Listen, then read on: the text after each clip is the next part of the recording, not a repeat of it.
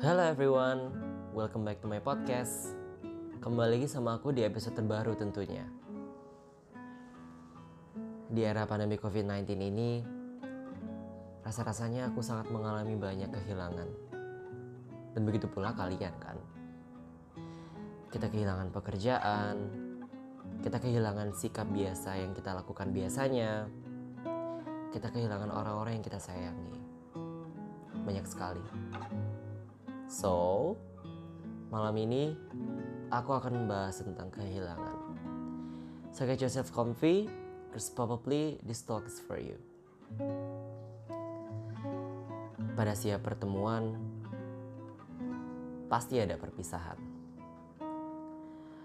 Terdengar sedih dan tragis, tapi memang begitulah adanya. Keluarga, sahabat, orang-orang yang kita sayangi mereka akan pergi meninggalkan kita cepat atau lambat dan itu adalah sebuah kepastian. Dalam hidup ini, hal seperti itu adalah sesuatu yang terjadi di luar kehendak kita. Seperti ini contohnya. Rasanya baru saja kemarin ada yang punya sahabat yang sangat dekat dengan kita. Sudah bertahun-tahun lamanya. Tapi kemudian mereka meninggalkan kita tanpa alasan yang jelas. Lalu, ada yang sangat dekat dengan kekasihnya, tapi kemudian mereka memilih untuk berpisah tanpa sebab. Dan lebih tragisnya, sering kali kita selalu tidak rela dengan kepergian mereka dan mencoba mendapatkan mereka kembali. Tapi, bagaimana jika itu adalah sebuah takdir yang sudah ditakdirkan Tuhan untuk kita? Untuk kita semua. Sampai suatu malam, aku sempat berpikir, Tuhan, kenapa Engkau selalu membuatku jauh dari orang-orang yang pertamanya kita sayangi? Dan kemudian, esoknya Engkau membuat mereka pergi. Begitu saja. Aku terdiam seketika aku menemukan jawabannya.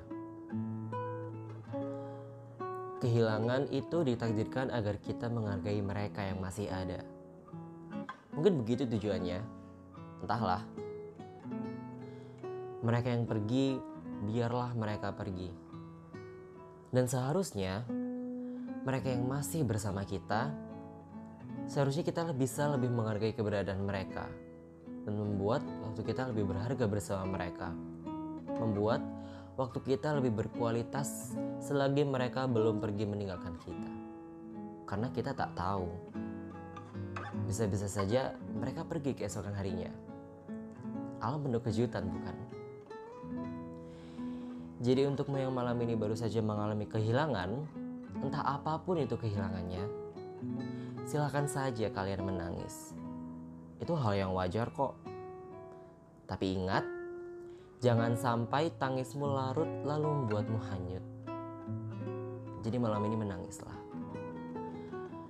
Lalu besok pagi kembalilah melangkah dan bersinar setelah kalian menangis. Mungkin itu aja yang bisa aku sampaikan kali ini. Remember, you are wonderful and you are worth in this heavy world. Much loves, Ferdi.